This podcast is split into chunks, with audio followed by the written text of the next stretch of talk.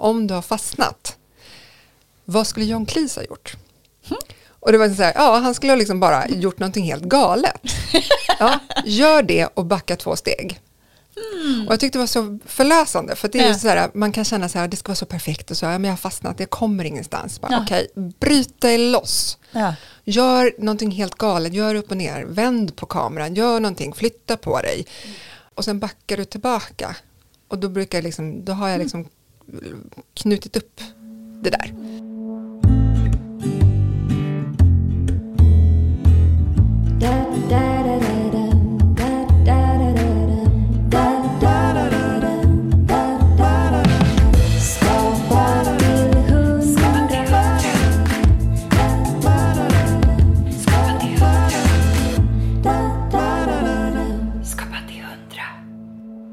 Idag träffar vi proffspysslaren och julexperten Helena Lyth. Vi pratar om hur du kan skapa fantastiska dekorationer av saker du redan har hemma. Om Helenas resa från reklambranschen till att bli en professionell pysslare. Och så får du förstås tipsen för hur du skapar riktig julstämning. Du lyssnar på Skapa till 100, podden om det kreativa livet. Jag heter Marika Borgström. Och jag heter Maja Sönnerbo.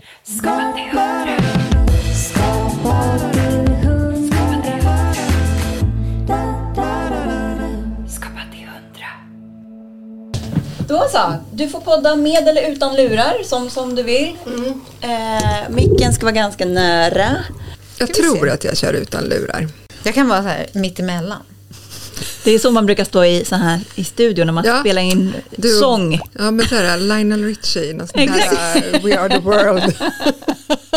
Kanske ska avsluta med det. Jag kanske får feeling. ja, Eller hur? äntligen! Bucket list. Exakt. Helena Lyth jobbade som art director inom reklambranschen i 20 år innan hon en dag fick en kreativ kris och startade en julblogg. Idag, 11 år senare, är hon en av Sveriges största profiler inom pyssel och DIY, alltså gör det själv. Framförallt kopplat till säsonger och högtider. Hon bloggar fortsatt, men inte bara om julen och har idag också ett stort följe i sociala medier som inspireras av hennes kreativa men enkla pysseltips och goda recept. Hon är nu i färd med att släppa sin andra bok och är ofta anlitad som proffspysslare i radio och tv. Varmt välkommen till Skapa till 100, Helena Lyth! Ja, men tackar. Jag blir nästan lite rosig om kinderna. Det är bara att ta åt sig. Ja, men Ja. gud, det är det där jag. Vi, vi brukar börja med en kreativ incheckning. Eh, och då frågar jag dig så här, var är du i för kreativt läge just nu? Från en skala från 1 till 100 och varför? Ja, alltså jag har väl lite problem med att jag alltid är hundra. Det, Jag är ju liksom aldrig avslagen i det kreativa och det är väl liksom det spelar nog ingen roll vilket yrke man är i. Är man en, eh, höll jag på att säga tandläkare så tittar man på allas tänder. Är man en kreatör som jag då ser man ju liksom hela tiden kreativa lösningar på allting. Man har, jag har det påslaget eh, på något sätt så att jag eh, vågar nog faktiskt säga att det är hundra för jag, och speciellt så här i jultid, vad jag än ser så är det liksom vad kan man göra? Jaha, de har gjort så. Tänk om jag skulle göra annorlunda. Vilken färg skulle jag ha valt? Just det. Eh, det här hade de kanel i. Tänk om jag skulle använda ingefära. Lite så. Hela tiden vända och vrida. Precis, men är det verkligen ett problem? Det låter ju som en gåva, liksom, att du använder det väldigt bra. Eller kan det bli too much? Ja, det blir ju too much på det sättet att jag det är lite för få timmar på dygnet. Ja, det är den klassiska ekvationen, ja. ja, och speciellt så här års när man gärna vill pyssla. Då har jag jobbar ju eh, med fotografering hemma med dagsljus. Och vi har väldigt lite dagsljus så här års. Så att min liksom, här julsträngen är ju påslagen nu. Och då vill jag göra allting nu. Mm. Ehm, så egentligen borde jag slå på det här julgrejen någon gång i maj. Men då har man ju inte riktigt feeling. Och då kommer ju det. nästa högtid. Så problemet är att jag vill så himla mycket och timmarna är för få. Men vill du producera bakverk eller mat eller nya typer av eh, pyssel? Är det det som liksom ökar på nu, just All som är kopplat above. till djuren? Ja, all the above. Jag vill göra allting. Allt. Ja, ja, ja, jag vill baka och laga och så duka upp det fint och Ja. gärna något pyssel så att det blir liksom lite extra. Men vad är det just med julen som liksom slår an den kreativa strängen hos dig? Alltså är det, varför är julen så härlig liksom? Jag tänker det är inte så många som startar en julblogg, bara en Nej. sån sak. Och det är ju det är faktiskt just det. Eh, om vi backar till det du sa Ja. förut där med att jag startade en julblogg. Ja. Och det var ju just att jag, eh, jag var hemma med eh, vårt andra barn, mammaledighet. Jag hade, vi fick barn väldigt eh, snabbt. De gick, det var ett år bara mellan. Så min mammaledighet var ju oerhört lång. Just det. Mm. Och jag är ju kreatör på reklambyrå så jag hade ju liksom ingen tid att vara kreativ. Och då var jag tvungen att hitta någonting som bara var mitt. Mm. Och då hade jag ju hört det här. Blogg var ju spännande. Det var ju det heta. Ja, ja, ja, ja.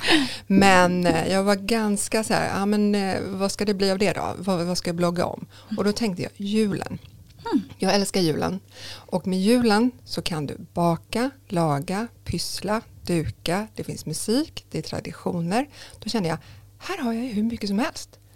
Så då var det så här, okej, problemet är löst. Jag har gått här i två år med blöjbyten och gröt. Nu ska jag pyssla och fixa och dona på temat jul. Och ingen, om du går loss och bara pyntar en balkong eller en hel trädgård eller hela rum, helt galet. Alla kommer säga, vad fint det var. Precis, det är den här all in Ja, liksom. det är ingen tillåts- som just tycker det är konstigt. Just det, det Om de skulle på. göra det i mars, bara, vad Ja. håller du på med liksom? Ja. Men under jul då får du vara när du får gå all in på vad den är, baka, du kan vara uppe klockan tre på natten och baka, ingen skulle tycka att du var konstig. För att det är jul. Intressant, jag har aldrig tänkt på jul ur den aspekten men det har du helt rätt i. Det är sådär, äh, Jante har gått och mm. tagit semester liksom. Jajamän! Startade du den under hösten då så att du var på väg in eller var det liksom i högsommaren att du började Ja, prata jul? men alltså förlåt, det var ju juli. Ja. Det var mitt i sommaren. Jag hade haft liksom kris hela den våren och eh, så kände jag bara, nej men nu måste jag göra det här. Och eh, tänkte jag, det är ingen som har en julblogg i juli. Det, det här är bra, nu är jag totalt unik. Men det var jag inte. Nej. Nej, det fanns massa julbloggare. Så hittade jag jättemånga digitala vänner. Så från att ha liksom bara varit liksom, sömnbristen var total. Man liksom alltid kände sig på fel plats liksom, i mammalivet, småbarnslivet. Så hittade jag digitala vänner som jag kunde prata hur mycket som helst med. Bara liksom några knappar bort. Fantastiskt. Och hur utvecklades eh, bloggen från det att du började från noll då till där du är idag? Vad, vad blev det för resa med bloggen? Ja, alltså den började ju helt och hållet för mig själv. Och jag eh, berättade inte, det var min man, min svägerska och brorsdotter. De tre var de enda som visste att jag höll på med det här. För jag tänkte, folk kan ju tro att jag är knäpp. liksom. Eller de skulle få reda på att jag är knäpp. Så att jag bara, nej men jag får inte berätta det här för någon. Så jag bloggade och ju bättre jag blev, desto mer jag bloggade och desto bättre content jag gjorde, desto mer besökare fick jag. Mm. Och jag upptäckte att så här, jag har aldrig spelat dataspel. Det är liksom aldrig min grej. Men det här med statistik blev ju som mitt dataspel. Att ju bättre jag blev, desto bättre statistik jag fick. Mm. Desto mer poäng, säger jag med citattecken då, fick jag. Eh, så då var jag så här, men jag vill ju, jag vill ju ha mer poäng. Ja. Och då var jag så här, men då måste jag blogga ännu mer. Och så blev det liksom så här, och då, i den här lilla julbloggsvärlden, underbar, så varm, så blev jag ju störst för att jag var så på. Resultatfokuserad. Ja, och kombinationen med att jag är kre- kreatör. Jag kunde fotografera, jag kunde skriva, jag kunde kommunicera. Just det. Så att det blev ju liksom både innehållsmässigt men också det, det praktiska så att säga. Så då blev jag ju störst. Och sen kände jag, det hade gått ett år, så hade jag firat en jul, en riktig jul med julbloggen. Och så tänkte jag att till nästa säsong, då måste jag ju, jag måste börja berätta om det här. För att annars kommer inte det komma folk utanför den här lilla blogg- bloggsfären. Då har jag gått tillbaka till jobbet som AD på byrå. Tänkte jag, men det här, det här är min hobby. Och så tänkte jag, jag kan marknadsföra. Så jag skriver ett pressmeddelande om julbloggare. Mm. För att liksom, det här måste ju svenska tidningar, och det finns ju jättemånga jultidningar. Just det. Då jag hittade det mejlet häromdagen. Jaha, Ja, det var så gulligt. Var så här, Hej, jag heter Helena Lyth och jag julbloggar. Och så en liten information om mig. Jag har 512 besökare. Och då tänkte det var ju jättemycket människor och Ja. det är absolut, det ska Ja. inte förringas men, men med dagens mått mätt så är kanske inte 512 besökare i månaden jättemycket. Men jag skrev då att vi finns och det skulle kanske vara kul för er och jag satt uppe, jag skickade det här pressmeddelandet vid ett på natten. För jag hade suttit och skrivit när barnen hade lagt sig och skulle skicka iväg och så var jag så trött. Så jag bara, men jag, tar, jag skickar till Amelia och mamma nu och så får jag ta resten imorgon. Och sen så åkte jag till jobbet och på mobilen så får jag ett mail från Amelia. Jag har inte ens kommit fram till arbetsplatsen och där det står vad kul, vad häftigt. Och då tänkte jag nu så vill hon göra ett liten stinkare i tidningen om Mm. oss julbloggare. Men hon säger då, chefredaktören, vad säger om att blogga för oss? Mm. Jag höll ju på att trilla Yes. av vad stolen. Wow, wow. Ja, det var, alltså, det var enastående. Så jag bara på studs, ja absolut, såklart. Så då blev det att jag fick då november, december julblogga för Amelia. Just det, och nå ut till en väldigt mycket större publik Ja. då förstår jag. Mm. Så mina poäng blev jättebra. Ja, det var kaching! Precis, 512 gånger väldigt Ja, mycket mer. Exakt.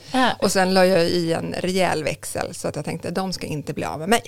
Och så blev det så att jag fick vara kvar, men inte bara blogga om julen, utan då allt det jag nämnde förut med liksom pyssel, mat, bak, dukningar, inredning, familjeliv, allt det där som jag sa att passa på julen, men då i vardagslivet. Fantastiskt. Det hade du inte kanske tänkt dig då, den, den där när du bestämde dig. Nej, så att den här konstiga krisen jag hade som bara så här, ja men gud jag är knäpp i huvudet, jag startar en julblogg, Ja. gör ju att jag sitter här idag. Ja. Det är underbart. Ja, man ska ta tillvara på de där infallen. Jag tror Mm. stenhårt på det. De Ja. ju för gott med sig, men man vet bara inte riktigt vad från början. Liksom. Nej men precis, ett möte kan ju resultera i massa saker, Mm. det vet man ju inte förrän efteråt. Skapa till hundra. Apropå julen då, vad är det som har gjort att julen är så betydelsefull för dig och betyder så mycket? Ja men för det första så är julen, det tror jag alla skriver under på, att det finns ju någonting väldigt magiskt. Ehm, det, är den här, det går ju inte att ta, ta på. Det finns en magi som är så unik. Eh, och det är den man är ute efter hela tiden och man drömmer om. Liksom, man börjar ju någon gång i mitten på november och bara åh den där stunden när det, liksom, det bara gnistrar i ögonen och det pirrar i magen och doften och alltihopa. Eh, och just dofter, alltså det är ju sinnen. Vi lever i en värld som är väldigt digital, det går väldigt fort. Julen det är ett datum. Ingen kan hoppa i någon VIP-kö för att komma snabbare fram till julafton. Det är också någonting unikt idag. Vi kan snabbspola, folk lyssnar på poddar och ljudböcker uppspeedat för att man ska hinna snabbare. Det här är liksom så här, men det, det är det här, liksom. det, det är vad det är. Och sen också att alla sinnen får sin kick. Det är dofter, smaker, ljud, ljus, känsel, liksom så sprakande brasa. Så att liksom så här, bara några få veckor på hela året som det kan liksom gå runt i en tröja med lampor som blinkar. Som vi alla längtar efter innerst inne. Ja, eller hur? Det är, liksom så här, det är fula, det är underbara, det är traditionella, det är moderna. Det spelar ingen roll om du liksom firar med 78 personer eller en. Liksom det, är det, här, det, det är din magi som du behöver.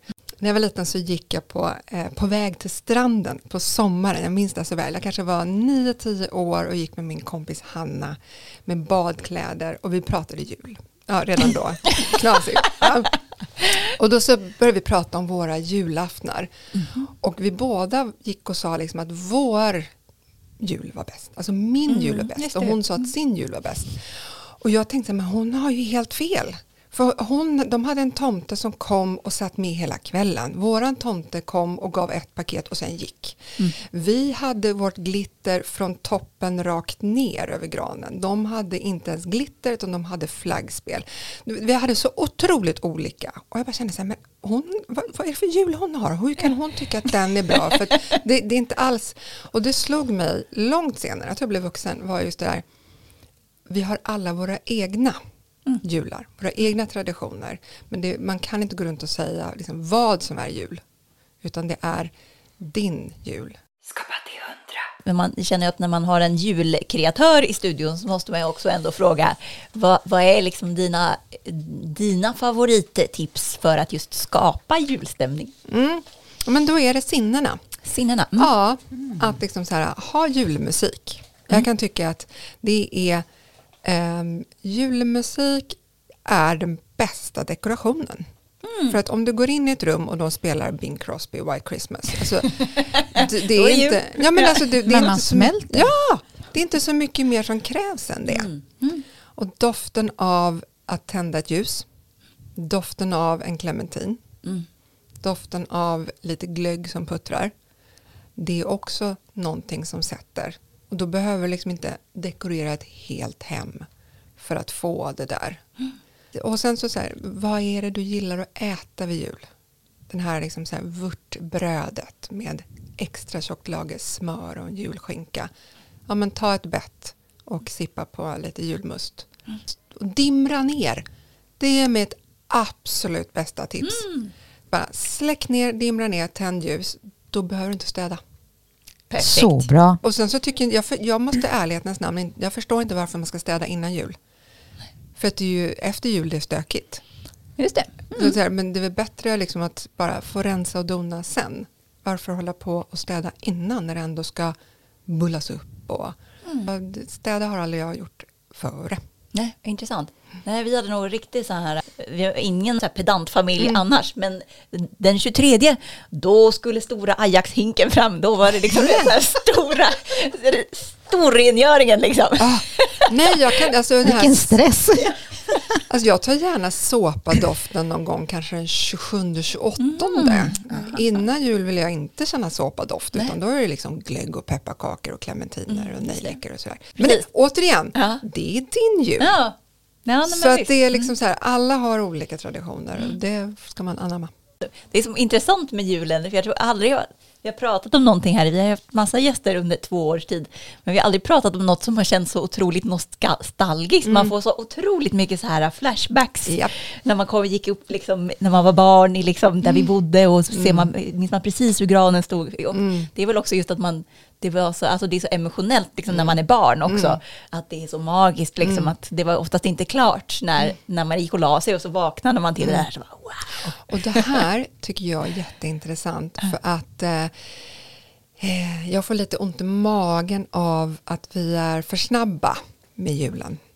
Eh, för att eh, du nämner att det var inte klart, du vaknade till julen. Det här är ju, sker ju inte längre. Nej. Utan vi pyntar ju redan november. Och jag skriver under på det för att vi vill det, vi längtar efter det. Och vårt firande har ju flyttats från att nästan avslutas med julafton till förr så börjar det med julafton. Så det har ju skett en förflyttning. Men det gör ju att den här magin som du pratar om, att man liksom kom till granen och världen var jul. Den ha, alltså jag, jag får så här, hur ska jag göra för att mina barn ska minnas den julen när man vaknar upp och så är det jul. För nu, så jag sätter in en liten grej här och en liten grej här. Jag successivt bygga upp mitt. För att det är så jag vill. Jag vill att det ska liksom, inte allting på en gång. Utan liksom Ja, men det blir väl säkert också helt fantastiska minnen kan jag tänka mig. Det bara det blir ett annat minne. Men jag hoppas ju det. Ja. Men jag kan ju se hur, hur en väldigt många av vissa generationer har haft det där eh, dagen innan julafton. Det var då det hände. Exakt. Mm. Och nu så är det inte så. Men det är kanske vissa saker man, som man ska spara på. Liksom. Vissa saker som ska vara unikt på julafton. Ja, att ja, Som ja. ska komma till. Liksom. Julafton är ju julafton, absolut. Ja. Men jag har gjort i alla fall, eh, jag har en liten sladdis som är 12 nu så jag har två utflugna. Men, men eh, att när han kommer upp så har jag liksom gjort en juldukning med julduk på bordet. Så frukosten blir, så då blir det bordet som en överraskning. För det är ganska centralt. Liksom. kanske är ett bra tips, eller vad säger du? Ja men absolut, ja, men julfrukosten det är en helt egen Den är podd. viktig. Det. Ja, ja, ja, det. Oj, oj, oj, oj. Nej, men min dotter sa det faktiskt när vi pratade om julen här om veckan. Hon sa, nej men det bästa med julen det är ju morgonen. Men vad är julfrukost då? Alltså, ja, vi har inte haft någon julfrukost. Vi, nej, det, Har vi en hel podd för det? nej, vi har inte en hel podd, men du får ta snabbversionen. Den här traditionen kommer från min mans styvmor. Eh, då är det att vanligtvis var det väl föräldrarna som gick till köket och tog fram en frukost. Och det ska vara bara levande ljus. Det ska gärna vara lussebulle, så prästens hår eller jul, jul, vad heter det, vagnen som är då ett stort bröd, lussebröd som är i flera delar som man kan bryta. Prästens hår, det är någon slags eh, Lusse, alltså vikning, saffrans. eller, vad säger, eller Ja. bak. Man bakar på ett Ja, speciellt nu sätt. gör jag med händerna här. Ja. Det, så det är de här som är bågar ovanpå varann så att det ser ut som en port. Aha, och sen är det mm. krusiduller längst Ja, just ner. det. Mm. Just det. Just, Så det var stort saffransbröd och vi har adderat på julknäcke, julvört, edamer och julskinka. Varm choklad med vispgrädde, absolut. Och så ska det vara julstrumporna, knöggliga, välfyllda, ligga på varje plats. Så allt där förbereds, bara levande ljus och sen så ska frukosten intas innan solen går upp. Och så Mhm, väcker oj. man familjen med eh, juloriatorer på högsta volym. Yes! Nu Du går vi all Ja. in! Precis, och vi har ju sån här, och nu för tiden har man ju så här surround systems då, då, så att vi kör ju på det i alla rum så barnen flyger ju upp där astidigt.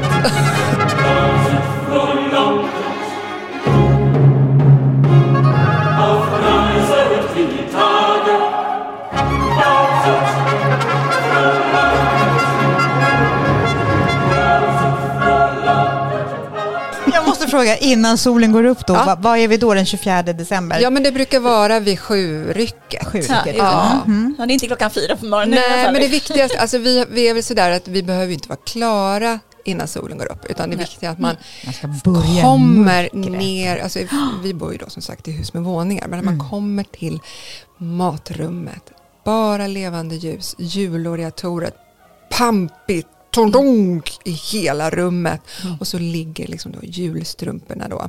Och det är liksom, ja, den, är ju magisk. Och då är också alla sinnen, alla sinnen är påslagna. Just det. Och jag ska köra copy-paste på den. Ja, men den är bra. Och så får Mm. man absolut inte ha vanliga kläder utan det ska vara sovkläder. Och sen så är det helt tillåtet att gå och lägga sig igen. Mm. Så att det, det är liksom också en sån här, du, dras upp men du har absolut eh, möjlighet att gå och lägga dig lite igen. Men precis, det är bra som inte för tvångsmässigt, utan det blir bara mysigt. För då kan man Yes. liksom.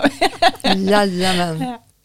men, men det här med matlagningen, jag hörde dig i nå- i någon annan podd, eh, när du sa att du eh, inte tyckte så mycket om att laga mat, men mest att äta mat. Ja, ja men, och det, det har faktiskt utvecklats till att jag gillar mer och mer att Ja. laga mat. Ja, men jag tänkte det, för det är ändå en stor Ja. del av ditt hantverk nu, att liksom Oh, hur det ja. hänger ihop eller hur det funkar. Ja, nej men det här är faktiskt intressant. Jag trodde inte att jag, alltså jag har alltid varit intresserad av eh, mat, måltiden och smaker och kulturer möts. Att man liksom plockar in för inspiration från andra länder. Men, och sen har jag liksom känt, ja, men när jag har ätit någonting och så har det börjat hända någonting i mig. Att bara, ja men tänk om man ska lägga lite frukt i det här, vad händer då? Och då har jag liksom börjat få självförtroende, för jag har inte riktigt haft bakning och det har jag känt självförtroende i, men matlagning har jag nog inte haft självförtroendet att liksom våga, ja men mer syra, mer sälta, vi lägger in något sött här, vad händer då? Eh, så det, det har hänt väldigt mycket i mig där.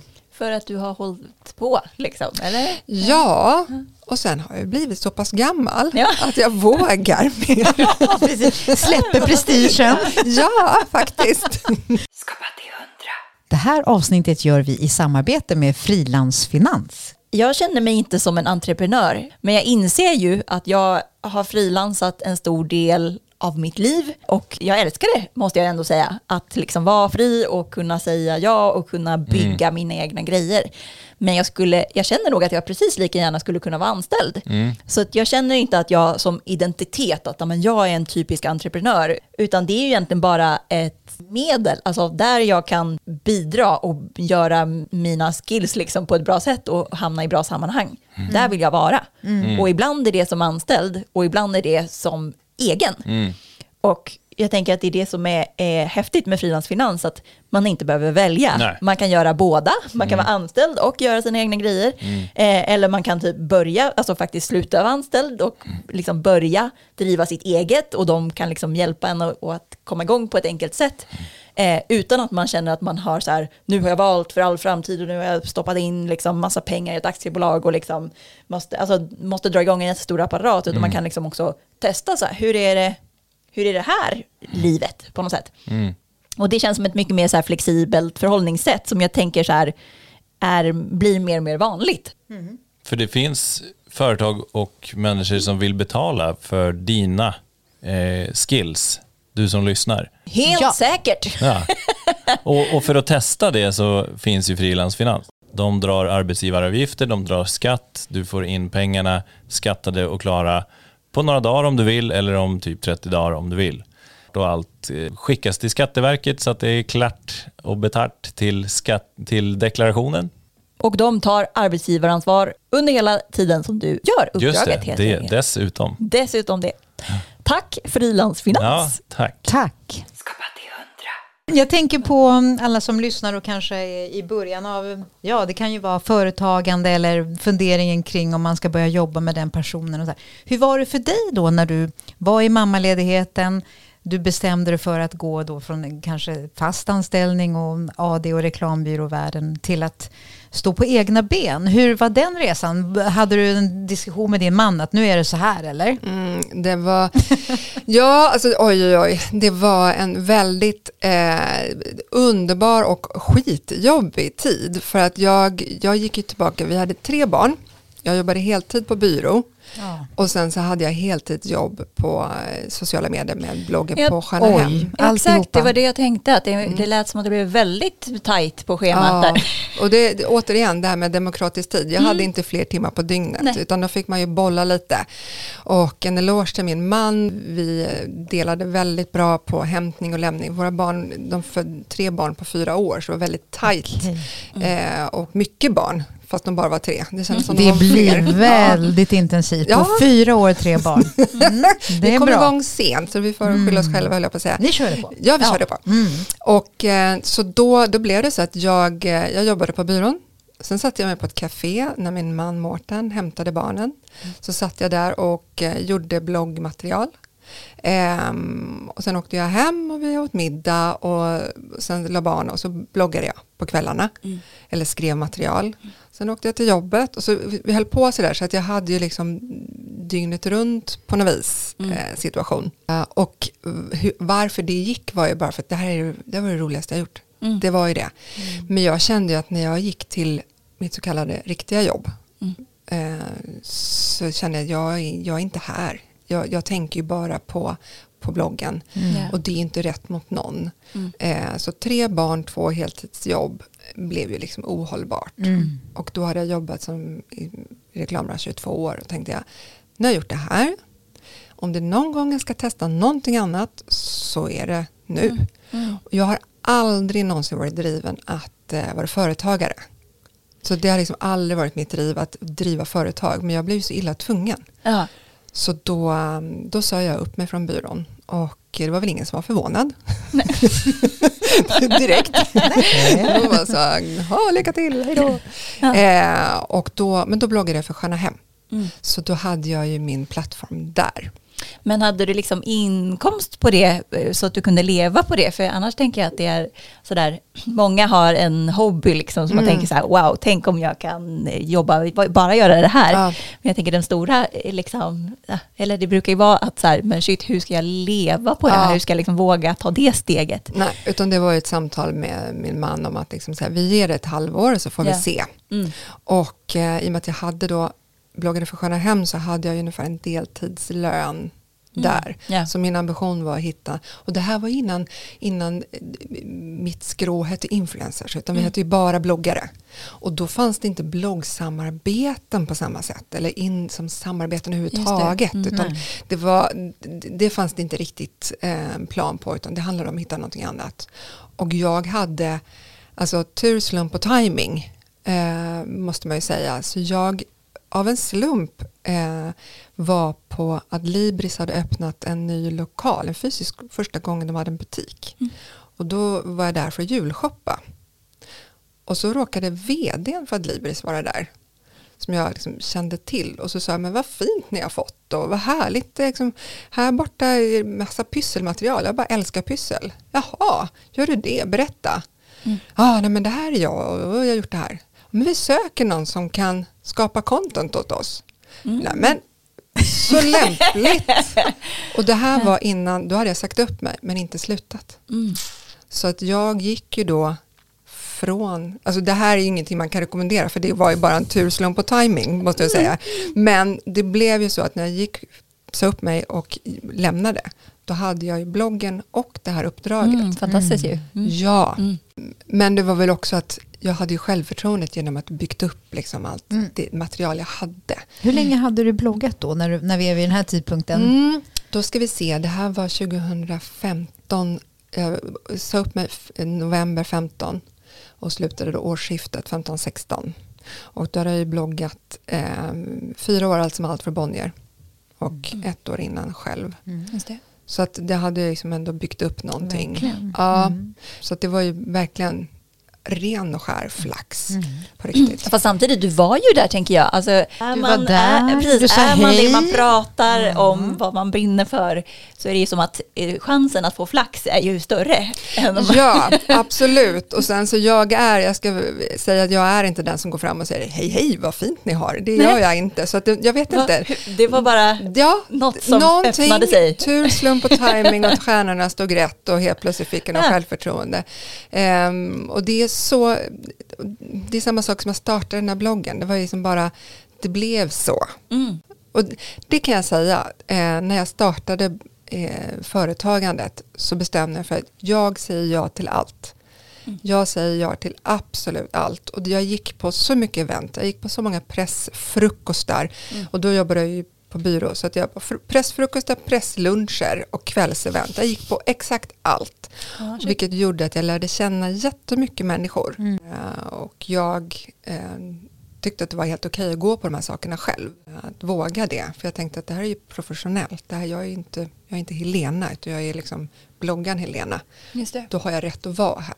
Så, så jag gick på allt, sa jag till allt. Ja. Var, det, var det en stor resa att eh, jobba just med självförtroendet och självkänslan i att gå från att man, har, man är anställd till ja, hela den här resan? Ja, För nu har du nämnt, liksom självförtroende och Ja. jobbade du mycket mentalt med dig själv? Så? Ja, för jag har aldrig, eh, jag tror att det är ganska kvinnligt så här att det är många tjejer, mm, kvinnor som, som jag som varje dag fotograferar.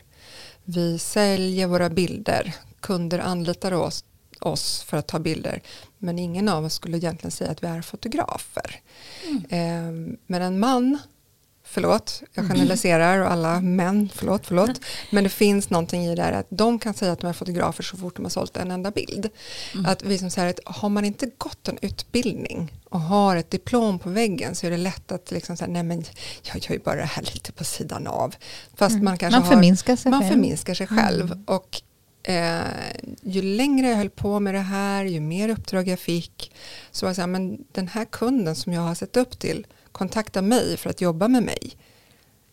Då kan inte jag vara helt värdelös. Jag tror att det här är jättevanligt. Ja. Eh, väldigt vanligt att, att Ja. tänka så här. Jag kan väl säga, om jag har analyserat mig själv genom åren så har min självkänsla varit ganska god men självförtroendet ganska dåligt.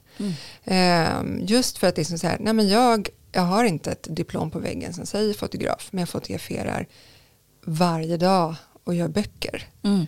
Men vad är det som får mig att inte liksom titulera mig som det? Mm. Så att det är liksom så här att man, man får bygga upp det där.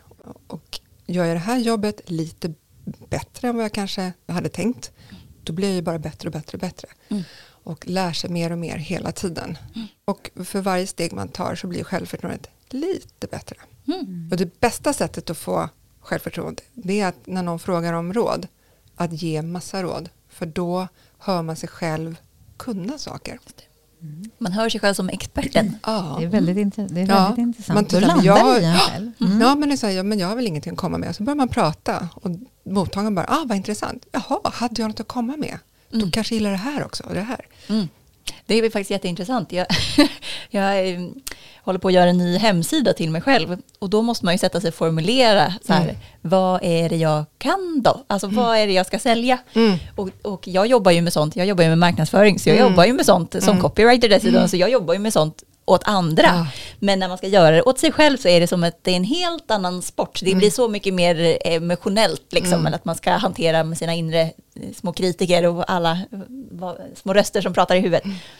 Så satt jag med en gammal eh, kollega förra veckan och hjälpte henne med hennes företag och pratade om hennes marknadsföring och varumärke. Och, men du har inte tänkt på så här, ska du bryta ut det? Alltså typ, då hör man sig själv sitta i flera timmar och det ger Ja. jättekompetenta Ja. råd och man bara, ah, men det är, jag verkar ju ändå kunna det här. Precis, här, kan jag få spela in det här medan jag ger råd? Ja.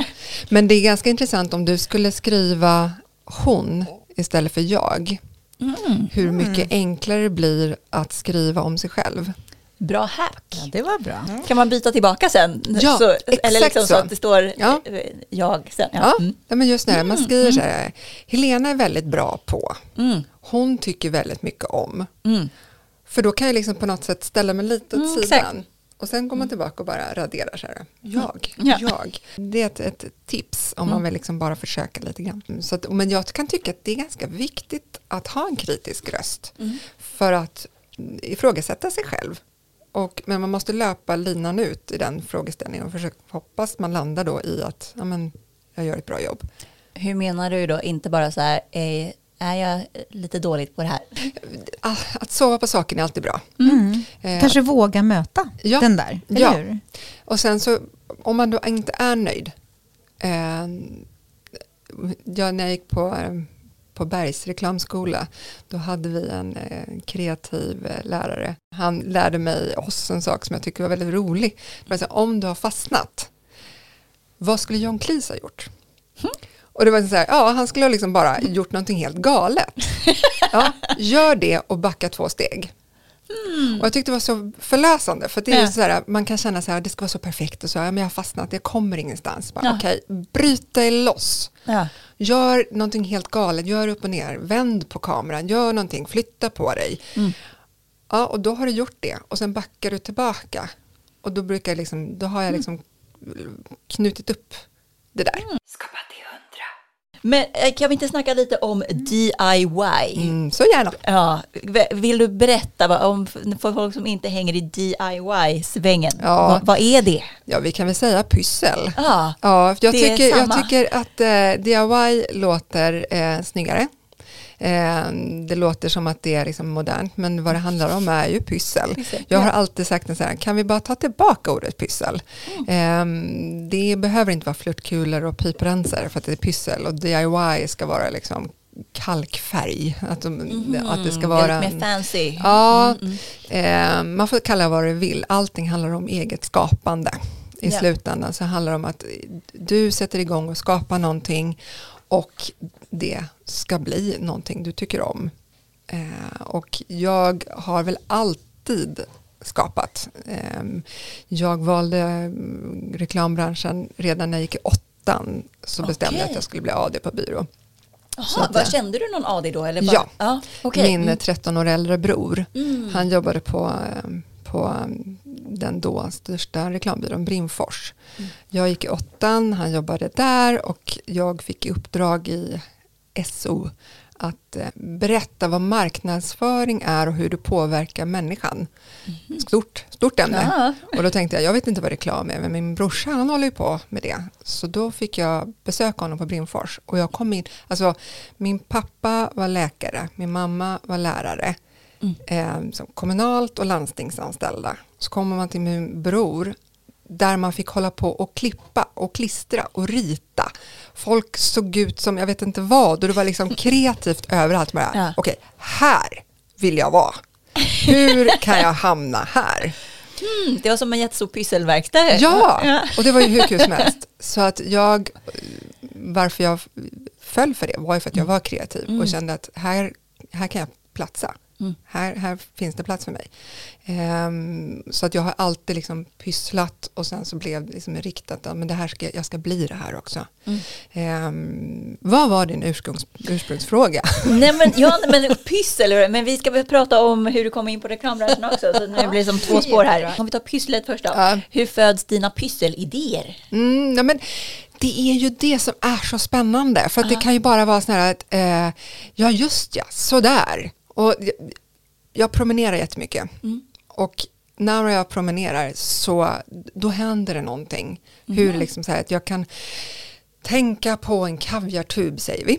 Och så bara, men det där locket, det är ju ganska roligt. Kan man göra det? Kan man sätta det på någonting? Ja, men det kan jag göra. Alltså, nu har jag inte någon bra lösning på det. Det var ett jättedåligt exempel för jag har inte gjort någonting Du har med inte, du har inte kaviartub. skapat den än helt enkelt.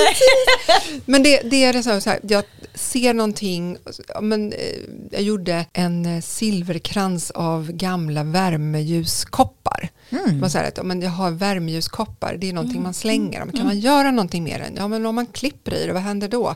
Ja men det blir ju jättefina stjärnor. Om man sätter dem på rad, ja men då blev ju det en krans. Mm. Alltså det är det här att titta på någonting, vänd på det, vrid på det. Vad händer om jag målar på det? Vad händer om jag klipper i det? Mm. Vad blir det då? Jag försöker väl alltid se det tredimensionellt, se liksom vad, vad kan det här bli i mitt hem? Kan jag använda det på något sätt? Eh, Kan barnen använda det på något sätt? Det är, Mm. det, är det här, nu kommer det låta jätteflummigt, men Mm. filmen, ja, ja, men, den här filmen Matrix, Ja, där är liksom så här gröna siffror som trillar ner. just det. Ja. Han förstår inte de där siffrorna, men sen halvvägs in i filmen, så när han tittar på de där siffrorna, då ser ju han en annan värld. Och jag brukar förklara liksom så att om du kommer in i ett kreativt flow, då helt plötsligt så ser du ett kaffefilter kan bli en blomma. Alltså det, liksom, du bara, du bara, ja men det här är ju ett jättehärligt papper, kan jag pyssla med det? Alltså så här, allt material är inte vad det var, utan det Just kan det. bli någonting annat. Ehm, Det så är ju verkligen att tänka utanför boxen. Ja. Mm. Man Och pratar om jag förändringen. ja, att men man- verkligen. Man kliva ut det vanliga Mm. som man alltid tänker. Mm. Mm. Och jag tror att det här är väl liksom lite som kondition. Att du behöver upprätthålla det för att det ska vara som vi pratade om det här påslaget, att strängen är spänd. Så man, man tittar på saker och har den här kreativa påslagningen liksom, så ser du på saker på nya sätt. Liksom. Och jag är jätteglad att mina föräldrar tillät mig att liksom säga, men det är klart, det går måla akvarell, gör, gå konstkurser, liksom, lera, absolut, kör på det. Vill du måla olja, men testa det. Alltså det har bara funnits, här, de har bara bejakat min kreativitet hela tiden, hela tiden. Och min pappa sa liksom så här, se till att du gör det du älskar för då kommer det bli bra. Så det är liksom så här, inte så här, jag ska bli någonting, utan så här, Nej, satsa. Mm.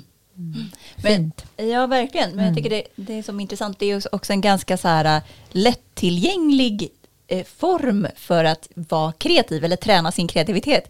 Vi pratade med eh, Håkan Lidbo i somras och han är en sån tänkare just kring kreativitet. Och han pratade mycket om att han tyckte, alltså alla vill, ska ju vara kreativa idag, eller många eh, arbetsgivare efterfrågar det.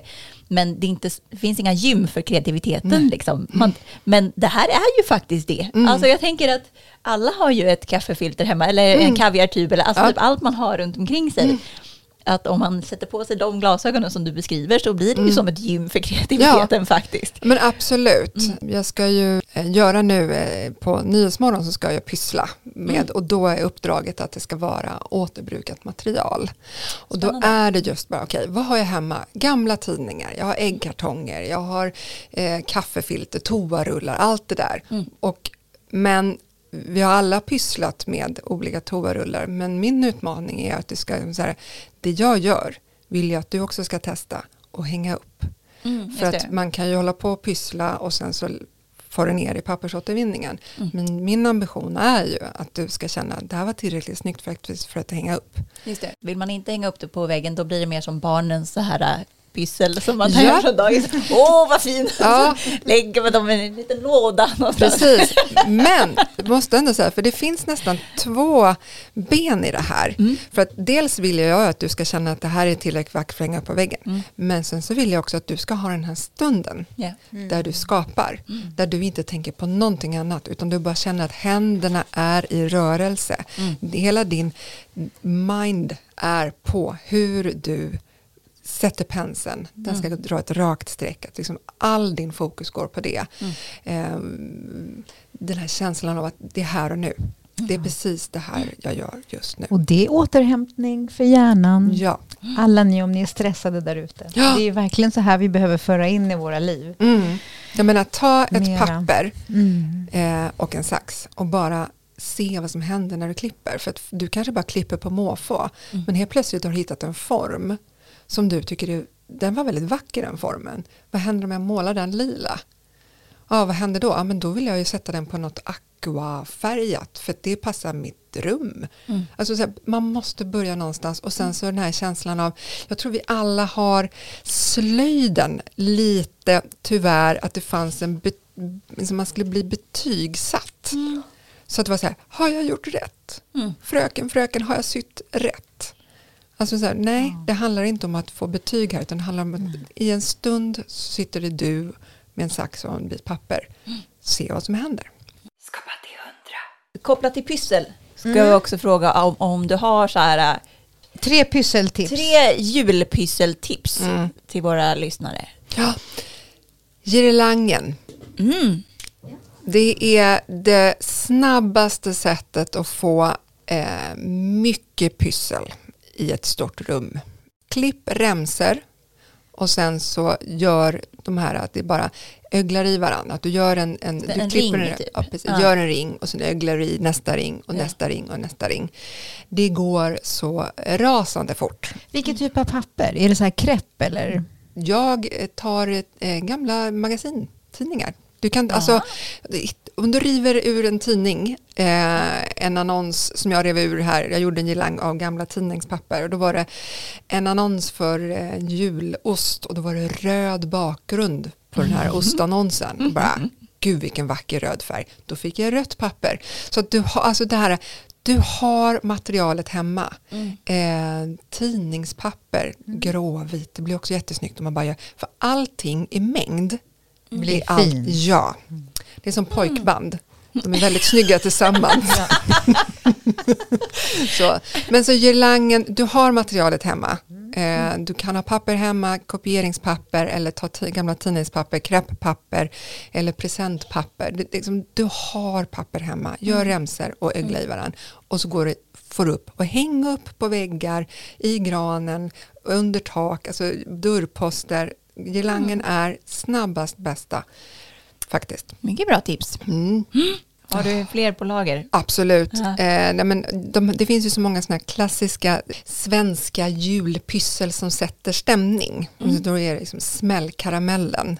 Eh, jag tror ju liksom så att om man hänger upp en sån, det är ingen som går miste om att det är jul.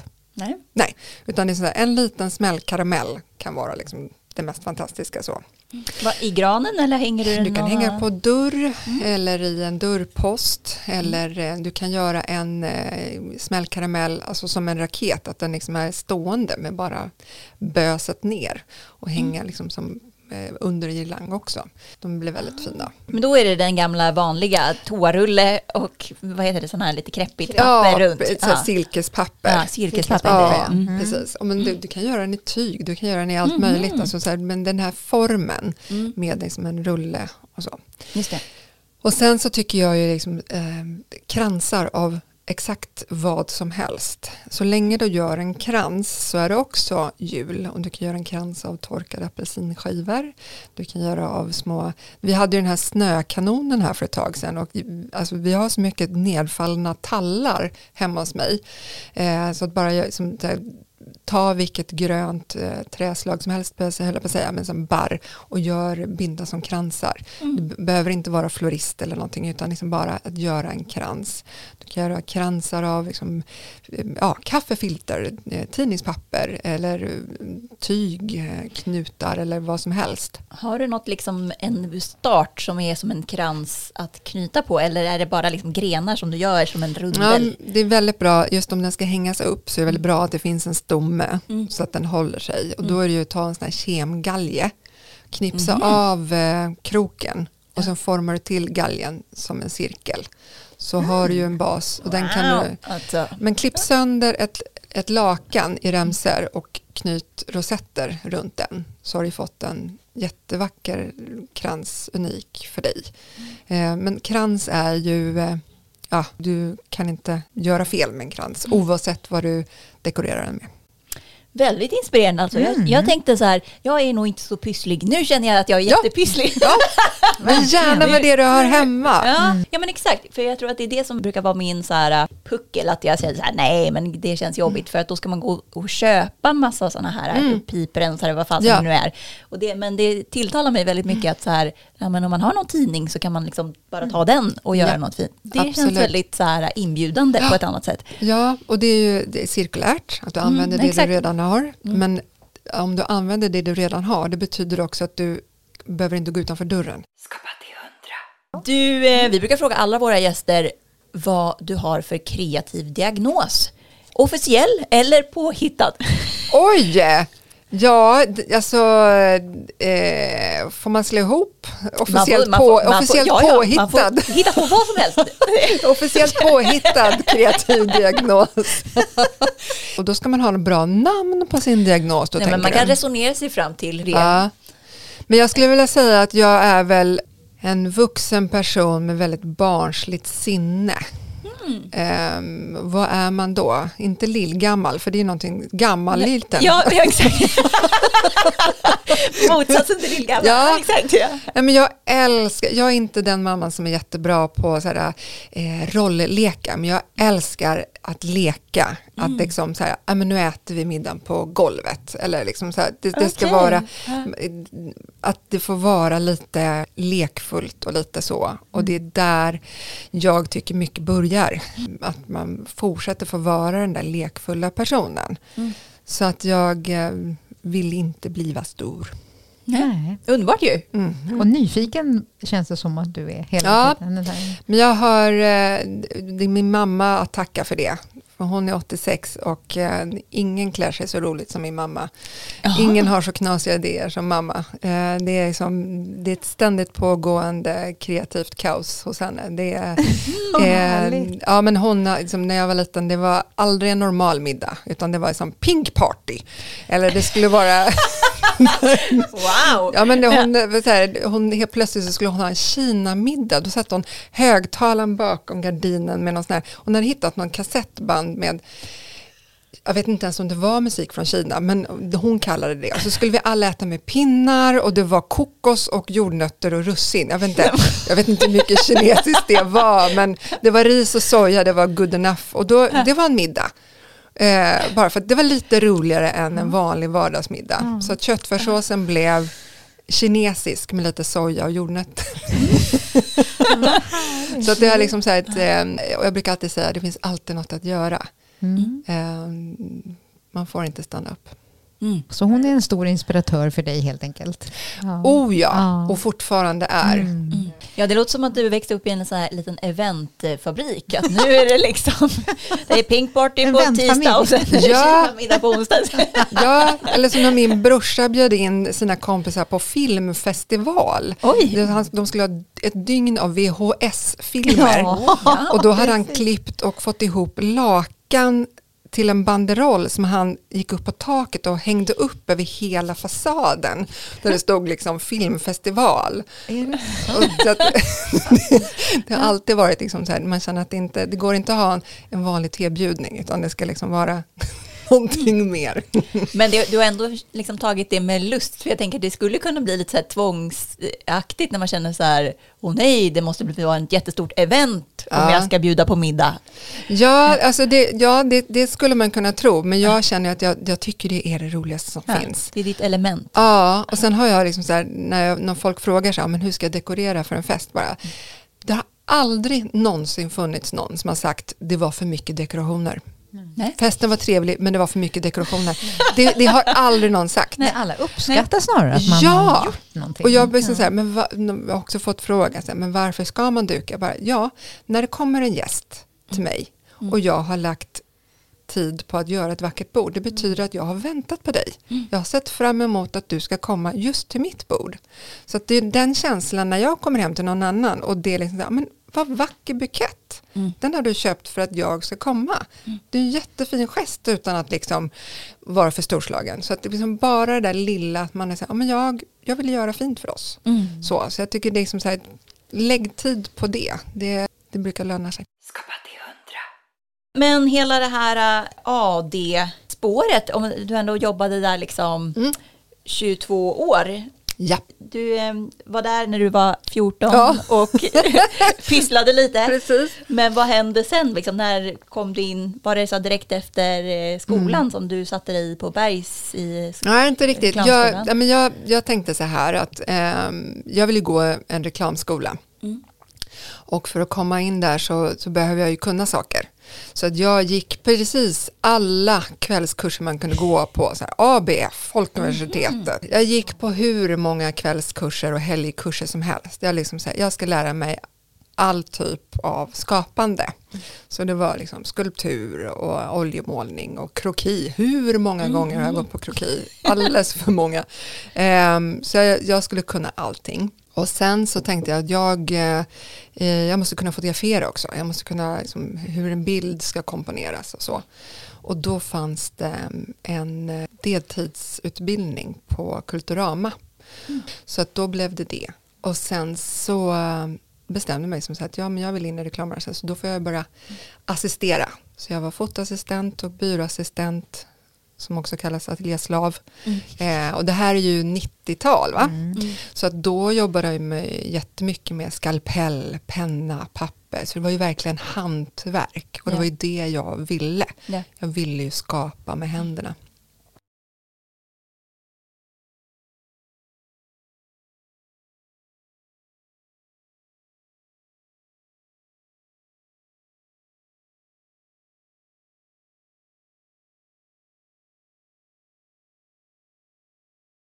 Så jag jobbade på massa flertalet byråer och sen så tänkte jag men nu måste jag gå, om, gå på riktiga utbildningar för att bli det här på riktigt höll jag på att säga. Men Mm. så. så då sökte jag till Konstfack, Beckmans och Bergs och kom in på alla tre. Oj, wow. Det Det är liksom så haft här, en gedigen så här, egen utbildning innan. ja, som. Konstfack också, det är väl ja, jättesvårt. men vet du vad, det här, är, det här kommer låta så hemskt men det var den utbildning jag minst ville gå för den hade ju inte reklam, den Nej. hade ju grafisk formgivning. Så min ansökan dit, det här är ett tips överlag, min ansökan dit var, jag var verkligen John Cleese. Alla mina arbetsprover var ju helt utanför ramarna hela tiden för att jag skulle ju inte gå där. Nej. Så jag gjorde ju det roligaste, jag bara, man skulle redovisa ett torg. Då gick jag runt i Vällingby och fotograferade bilder, jättekonstiga vinklar och framkallade i, då var det ju inte digitala kameror utan då framkallar man RAW. Så att bilderna, det blev jättekonstiga färger. Och det var ju bara, man, det blev ju vad det blev. Så att det blev jättekonstiga färger. Och det tyckte de om. Eh, så att, Alltså vad intressant. Ja, och jag bara, så här, men jag ska inte gå här så då kan jag ju bara ha kul. Go nuts. Ja, Ja. ja. Ja, och då var det väl det liksom det som stack ut. Universum gav tillbaka då på något sätt, för du släppte all prestige. Det är ju intressant. Det kan ju också vara någonting att tänka på. om Man vill någonting väldigt mycket, hur man ska förhålla sig till det. Mm. Var, var Och lite det mer ska vara kreativt. Då kan man ju få låsning. Att man kanske ska följa ditt tips där med att... ja, men jag, jag säger, vad är det de förväntar sig? Ja, de förväntar sig att du ska vara duktig, men det, det kommer alla vara. Mm. Var den då som är visa kreativitet eller eh, egen stil eller vad det nu kan vara. Jag, tänker, jag måste fråga, dina drivkrafter, vad, vad, vilka är dina främsta drivkrafter? För du verkar ha väldiga drivkrafter. Ja, Men du var ja, men det, väldigt bestämd från början vad du ja, ville. ja, men det var väl det som pappa sa där, liksom så här, gör det du älskar så ska du se att det blir bra. Att jag gör verkligen det jag älskar och jag vill hela tiden bli bättre. Ehm, så att jag slåss ju inte mot någon annan eller någonting sånt utan bara så här, ja nu har jag gjort det här, vad är nästa grej? Liksom så. Ehm, sen reklambranschen, ehm, varför den var lätt att lämna var ju för att den hade ju släppt allt det här med sax, papper och penna. Det fanns ju liksom ingen skalpell. Liksom, när jag började i reklambranschen, där då som ateljéslav, då var det en ateljé. Jag fick ju liksom, eh, vi hade bara en svartvit kopiator, hade reprogram, alltså det var verkligen, allting var ju hands-on. Väldigt kreativt, väldigt eh, liksom konstnärligt. Och, liksom, och det verkligen uppmanades, uppmuntrades att vara hela tiden superduper kreativ och liksom färgkriter och allt material. Så då var det en ateljé, på riktigt en ateljé. Och sen så liksom, med tiden så drogs ateljén ner till att bara bli en bänk där man skulle montera upp papper, utskrifter på panåer inför en presentation. Så att ateljén krympte och det var ju då också jag startade blogg där jag fick vara superkreativ. Vilket av alla pyssel du har gjort då, är du mest stolt över? Om du skulle tänka tillbaka här på dina år. Ehm, Har du någon sån här som du kände så här, wow, det där. Ja, men det, den som faktiskt eh, ligger mig väldigt varmt om hjärtat, det var när jag gjorde, jag stod på byrån och ville göra veckade hjärtan i papper. Och så stod jag vid den där bänken som hade ateljén hade krympts ner till. Stod vid bänken och liksom vek papper och försökte få det till en hjärtform. Och till slut så blev det ett hjärta. Eh, jag gick hem och gjorde sådana i rosa papper. Och eh, gjorde en girlang av det. Och jag tänkte det här, det här måste jag få upp på bloggen. Det är alla hjärtans dag snart, så jag måste få upp det här på bloggen. Och så tar jag tag i den där girlangen och ber min man ta bild på mig när jag håller den här girlangen. Och barnen skriker för vi skulle gå. Vi hade jättebråttom så jag tror de hade typ överdragsbyxor och svettades i hallen. Jag bara, men Mårten du måste ta bild på mig nu, snälla kom igen. Och, han liksom så här, och så fick jag se bilden, bara, nej du måste backa liksom. Så här, du, du kan, åh, ta den här bilden nu. Och man liksom så här, jag står där och håller den här girlangen. Eh, Okej, okay, fine, det får bli bra. Så nu åker vi. Och sen om det var nästa dag eller om det var på kvällen som jag la upp den här. Den bilden blev det som det första virala jag har haft. Mm, Helt plötsligt det sant? hamnar de här pappershjärtarna över hela världen. Wow. Jag, Pinterest och blogg och allt vad det var, liksom det, det var innan Instagram. Det var som så här, de här pappershjärtarna, de, liksom jag fick meddelanden från Costa Rica om de här pappershjärtarna. Så att det här, det, och det var ju ingen liksom rocket science att göra ett pappershjärta i veckat, men den där bilden, jag måste ha på något sätt sett bra ut, för att liksom, så här, den ihop med hjärtan, det blev en sån stor grej. Vad häftigt. Och det är så roligt hur den där situationen. Ja. Mm. Ja, du, det var inte som att du kände på dig att wow, det här kommer flyga liksom. För att Nej. det här, nej. Nej, nej, Utan nej. det var bara en bild bland alla andra liksom. Ja, Mm. ett litet papperspyssel. Och det är lite samma sak med den här apelsin, torkade apelsinkransen jag gjorde. Mm. Ehm, det här var under pandemin. Min man fick då jobba i vårt matrum. Så han hade byggt upp med böcker och grejer, en skärm och så hade han något ganska stort möte med något internationellt tjosan. Så han pratade engelska i ett hörn. Och jag hade bestämt mig att jag måste ta den här bilden idag av någon anledning. Då hade jag, jag hade satt sju stycken ljusstakar i olika höjd så att det blir som en sån här klassisk adventsljusstake. Hade jag satt på, arbets, eh, på en, en bänk och så hade jag hängt upp den här kransen och så hade jag då en kvist med så mininypon och då var det liksom att torkade apelsiner, eh, sju ljusstakar på rad och nypon, det är trenden för den här julen 2020. Den vill jag ha som en bild och jag måste få upp den nu. Mm. Och jag håller på och kravlar runt och han försöker ha ett möte i ena hörnet och jag håller på och flyttar, drar undan stolar så tyst jag kan för att inte störa det här jätteinternationella mötet. Och jag måste gå fram och släcka ljusen så att de inte ska brinna ner för mycket och håller på fram och tillbaka, fram och tillbaka. Den bilden, eh, den hamnade ju sen på omslaget på julprassel och decembermys. Och det är så roligt liksom hur jag hade flyttat alla stolar, jag hade satt upp stativet på bordet, jag stod och hängde på en pall för att få rätt vinkel, jag hade dragit undan taklampan för Ja. att den inte skulle vara vägen för kameran. Det är också en sån här, när du frågar om pyssel så är det inte bara det utan det är de här bilderna Få till bilderna ja. på Mm. pysslen Mm. och sen också situationen. Men är det din, är liksom, har du nytta av dina art director skills då? Är det liksom det som går igång när du är, alltså, ska ha den där perfekta bilden? Att, Mm. Ja, men jag tror det. Jag vågar väl tro det. Mm. När man har ju ändå hållit på så pass länge inom då att inom marknadsföring en bild ska säga någonting till dig som mottagare. Mm. Att eh, vad är det som får dig att titta på den här bilden lite längre än det vanliga. Mm. Jag tror att det är så tre sekunder om ens det. Eller Ja, ja, exakt. 1,40 man har på sig eller något Mm. sånt där. Vad är det som gör att du stannar till vid den bilden? Mm. Så att jag tror absolut att jag har, har det att tacka mycket för. Har du några tankar kring just bilder? Vad det är som får det här att stanna upp-faktorn? Liksom? Mm. Ja, men mycket av det vi gör är ju storytelling. Alltså Mm. det är en, finns, när man tittar på någonting ska det finnas en typ av dramaturgi. Att du ser, det händer någonting i den här bilden. Eh, hade jag visat den här hjärtan på Girlang utan mig, Mm. då hade det kanske inte blivit någonting. Hade den här. Mm. apelsinkransen bara legat mot en bakgrund så hade inte den blivit ett omslag. Utan det är det här, jag älskade dockskåp som barn. Att man liksom Mm. fick titta in i en liten värld. Mhm. Och då är man, liksom så här, man tittar på någonting, man känner någonting, man upplever någonting, man kanske till och med doftar någonting. Att det är liksom någonting som händer. Så för mig är ju liksom en, bilder är ju i det lilla formatet en historia. För att om man liksom känner sig att eh, ja, bilden, det händer ingenting. Ja men lägg en halv macka.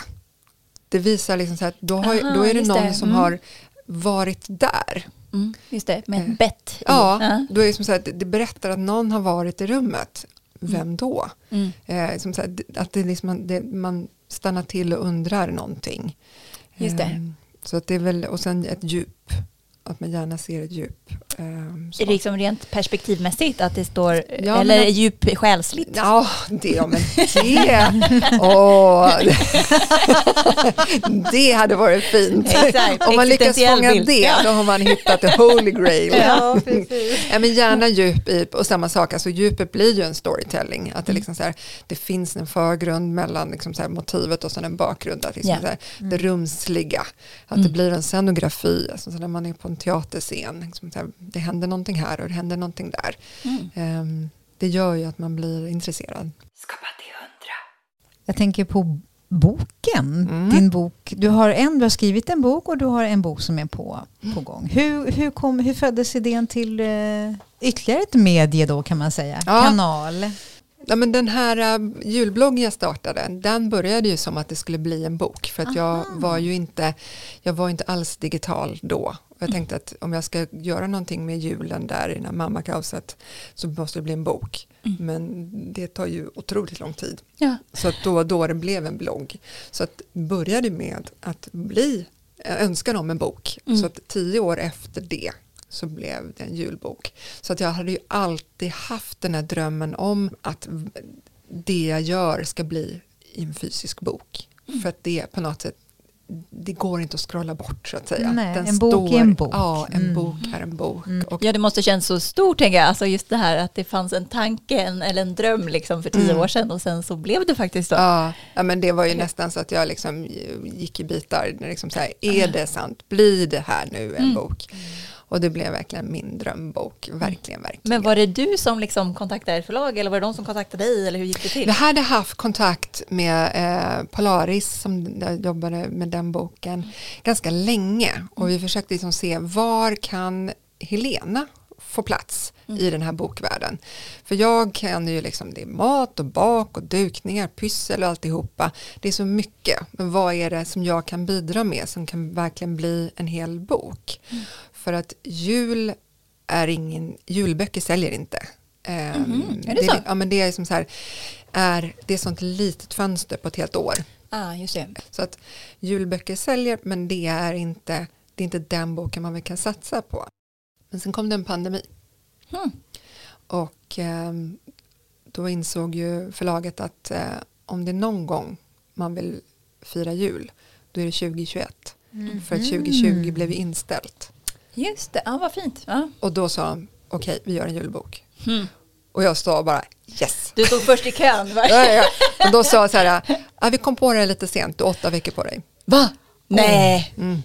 Men gud, men oj, hur gjorde du då? då? Eller? Jag gick till mitt bloggarkiv och sa, här har jag det här, här har jag det här. du hade här. egentligen redan skrivit boken. Jag hade redan skrivit boken. Ja, precis. Det- Det mesta fanns. Ja. Har du använt dina egna bilder också? Alla bilder är mina. Ja, Mm. ja vad här. Kul. Så att det var, det var kort om tid men eh, det var ju görbart tack vare att jag hade så mycket material klart. Mm. Så jag behövde komplettera där det var tomma luckor. Var är du i processen med nya boken? För nu är det också en ny på Ja, gång. Ja, nya boken, eh, Vardagsvackert och festförverkeri heter den. just det. Så det är ju lite samma sak fast är hela året. Så det är pyssel, mat och bak, dukningar, traditioner, eh, ritualer, lite så.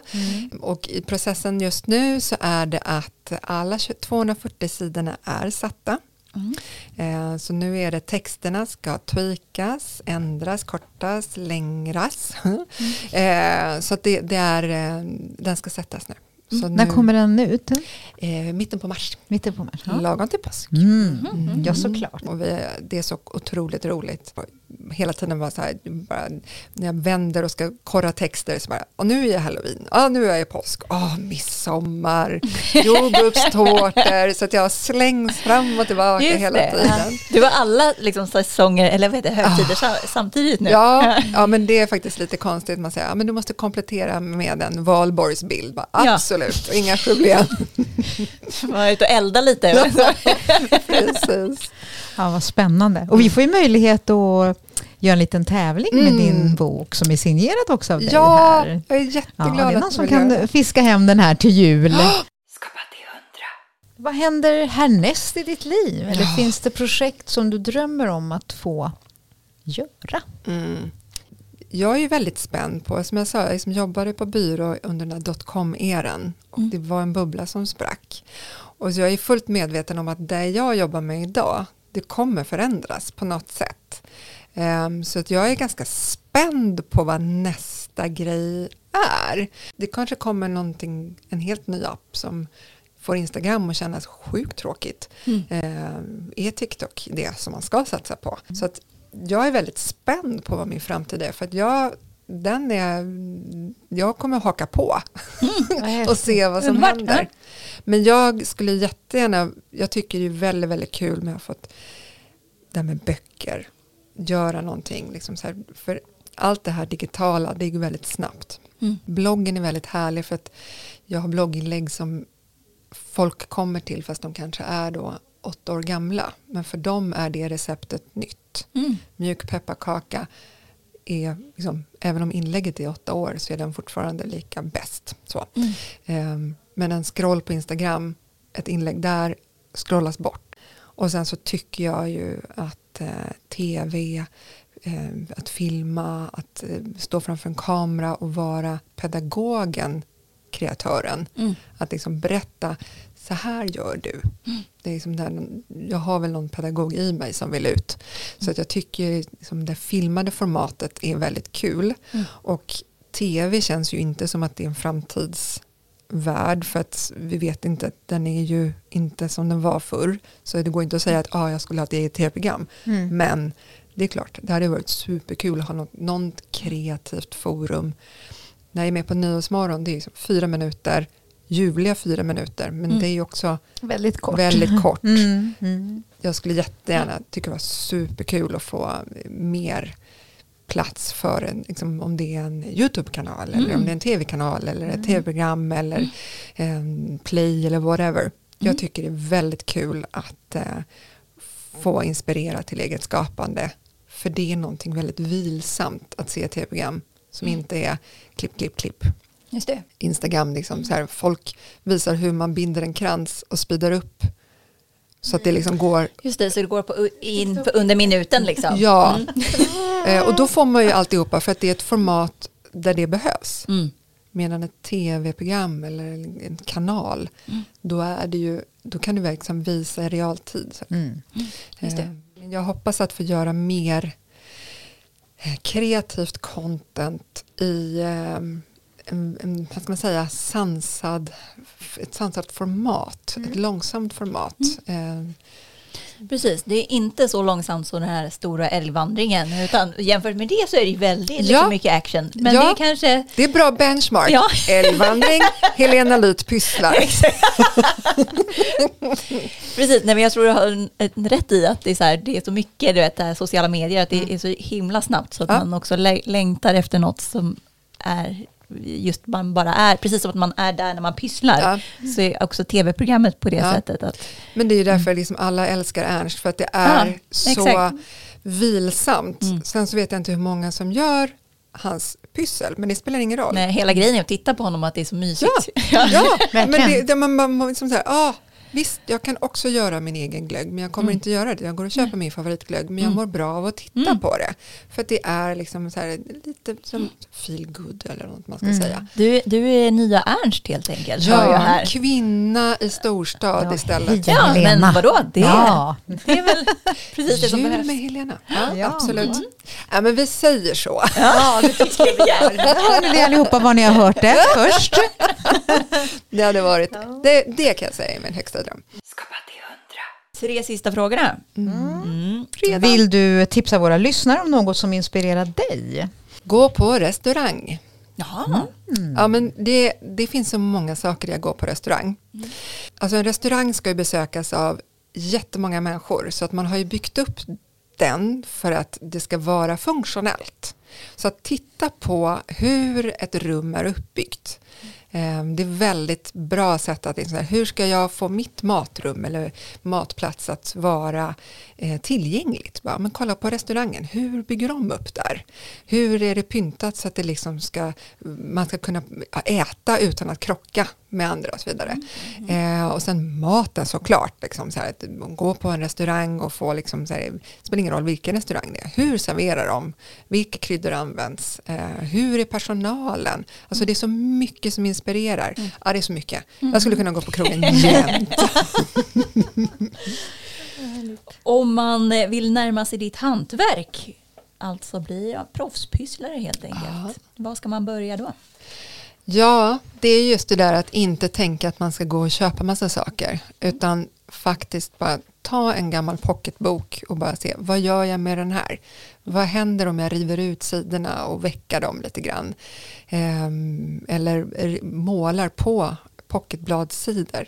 Så så här, bara ta någonting och se till att det blir någonting annat. Och sen så bara, ja men det blev skit, ja kasta det då, men då hamnade du i en kreativ process och ur den föddes säkert någonting. Eh, du blev mer bekväm med saxen eller penseln eller några färger eller någonting. Bara börja och sen tänka att det inte är en slöjdlärare som står bakom dig och säger, hmm, gjorde du fel, utan våga testa. Jag vågar göra utan att ha en plan har jag också. Alltså Mm. att man bara testar Ja, lite. men det är Ja. bara, bara sätt saxen i pappret och se vad som händer. Och vilket är ditt bästa tips för att bli mer kreativ? Nej, men det är just att bara börja någonstans. Eh, men sen också kanske att titta på vad andra gjort. Gå på museum. Se vad de stora konstnärerna har gjort. Om man går och tittar på tavlor från förr. Vad hände på den tiden när det inte fanns distraktioner som eh, skärmar och så vidare. Liksom så här, konsten har ju liksom en historia av att varje ny generation skulle göra upprop, jag vet det, upp, Uppror. uppror mot tidig generation. Liksom så här, en generation skulle göra så naturligt som möjligt, nästa generation ska göra så att det inte ser ut naturligt. Och var är vi nu? Hur kan vi göra uppror mot nästa? Liksom. Ja, Jag kan tycka att man tittar också mycket på den gamla konsten, gå på museum. Upproret kanske är att släppa skärmen Ja, jag och sätta säga ju, saxen i pappret istället. ja, men ta bort skärmen och se vad som händer. Skapa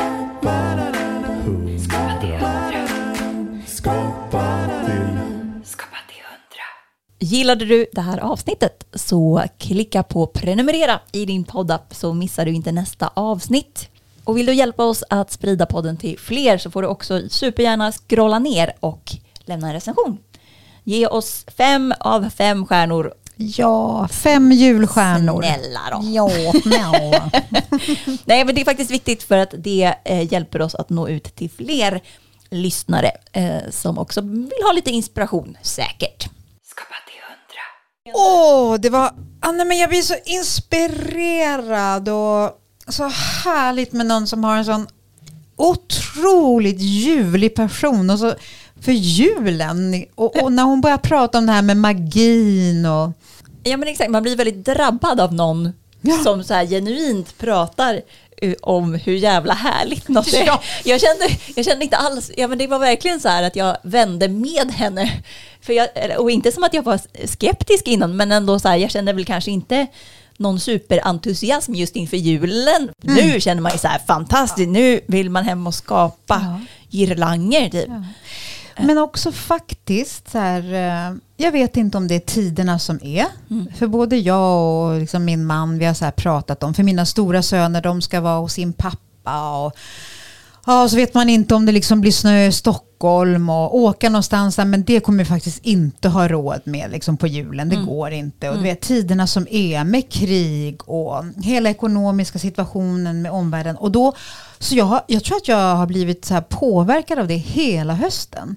Och så har jag så här, åh gud vad tråkigt med jul. och nu, det här behövde jag. För vet du vad jag tänker? Jag tänker att nu är nu, vi har vårt liv här och nu. Vi eh, ska ta vara på alla de här tillfällena och egentligen i de här tiderna behöver vi det ännu mer. Mm. Min lilla pappa är, fyller 88 i januari och vi är god vigör. Mm. Ja men då helt plötsligt så bara som att jag såg allting mycket tydligare och klarare när vi satt här och pratade med henne. Mm. Att hur har jag kunnat vara så negativ?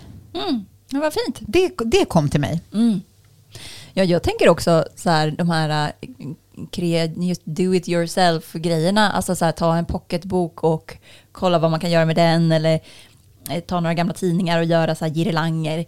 Det känns också som så sociala aktiviteter tänker jag. Alltså typ jätte, så här, mysigt att hålla på med men också så här trevligt att hålla på med tillsammans. Det känns som att det kan få, man kan få in många värden där liksom. Träffas, göra något med händerna, få lite så här egen tid, stilla i huvudet. Ja, men jag tänker att man också ska verkligen fundera över vad man vill ha för nivå. Att man också har en acceptans i det och att det kommer bli jättefint. Man kanske gör några saker riktigt bra. Mm. Kanske väljer bort några. Det kan ju vara för att man inte har energi eller ork eller vad det nu är som har hänt i livet eller så. Exakt, och orkar man inte pyssla då dimrar man ner och bara tänder skitmycket ljus. du behöver inte ens städa. Hallå. Ja, det är det, det underbart. känns bra tips alltså. Ja, jag älskar dimmer för övrigt.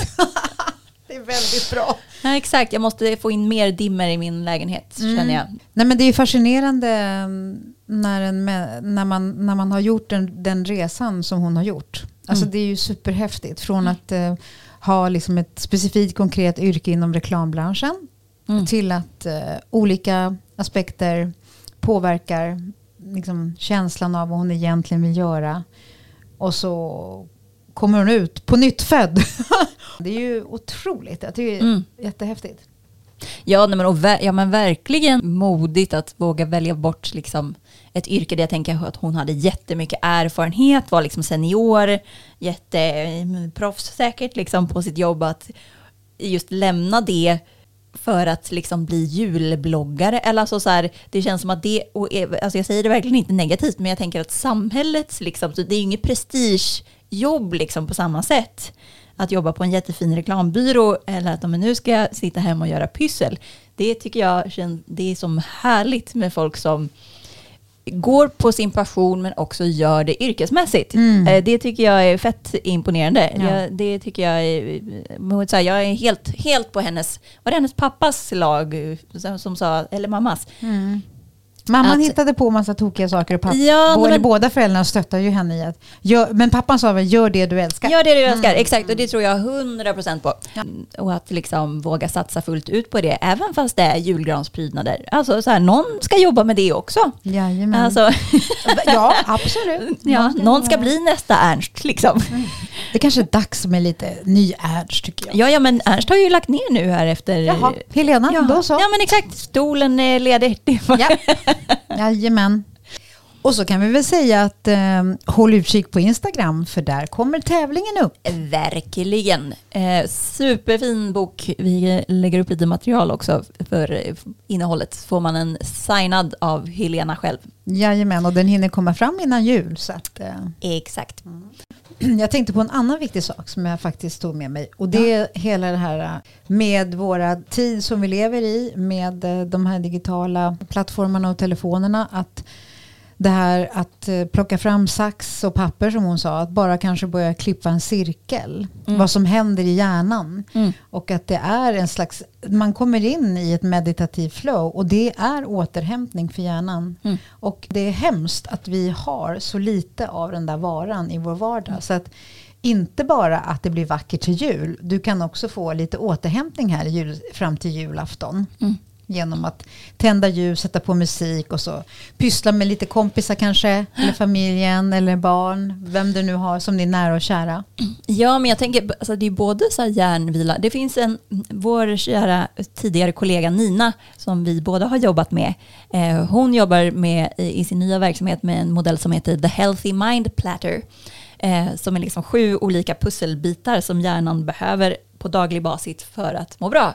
Eh, och jag kommer att tänka på den nu. Eh, för en är liksom det här bara vila eller koppla ner liksom, eh, det meditativa och det kan man ju hitta i det där. Men jag tänker också, för en pusselbit är leka. Och det tänker jag också att så här, mm, det kanske inte man gör varje dag som vuxen eh, när man springer mellan jobbet och eh, liksom matlagningen. Och det, jag tänker att det är, ett, det är ett enkelt sätt att leka lite, kolla vad som händer. Um, och det behöver inte vara så himla avancerat. Skapa